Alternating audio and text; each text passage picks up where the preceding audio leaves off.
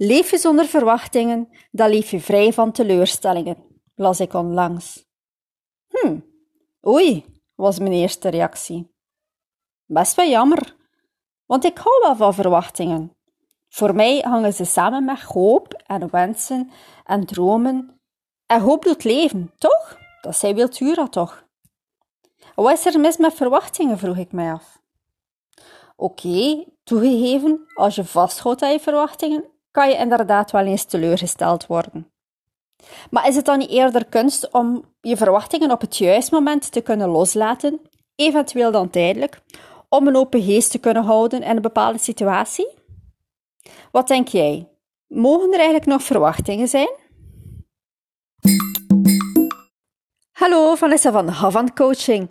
Superleuk dat je hier was. Mag ik je verder inspireren en triggeren? Volg me dan zeker ook op Facebook, want samen gaan we ervoor om met positieve energie vol vertrouwen in het leven te staan.